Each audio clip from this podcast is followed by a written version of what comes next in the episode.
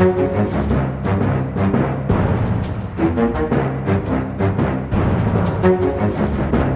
ligger den aller aller ferskeste episoden av Aftenpodden ute hos Podme og i Aftenposten-appen. Eh, Vi har vært her hele gjengen og snakka oss gjennom eh, rimelig mye, Sara. Ja, altså Vi tok for oss det evige temaet mobilforbud i skolen, eh, men som også innebærer en, en virkelig episk diskusjon i denne lille gruppa mellom de konservative og de liberale, og hva i all verden skal man mene om en sånn type forbud?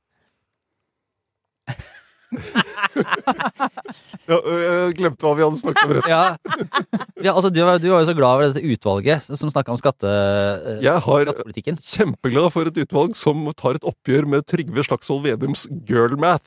Og vi har snakket litt om vin. Vi har snakket litt om vin, det har vi gjort. eh, Og går det an å være taktisk når du velger vin, i, eller strategisk når du velger vin i ulike sammenhenger for å vise hvem du er? Det er mulig. Og så har du uh, Så- reflektert. Jeg har reflektert litt over uh, Gaza og demonstrasjoner og hvordan skal vi finne en vei til fred. Det, det, det har ikke jeg svaret på, men jeg snakker om forutsetningen for det. Hvis uh, noen skulle lure, så begynner vi i det veldig, veldig små, og så avslutter vi også i det veldig, veldig små, men i mellomtiden der var det litt stort. Så det er bare å lytte til denne ukens Aftenpodden, som altså ligger ute hos Podme og i Aftenposten-appen. Ha det bra!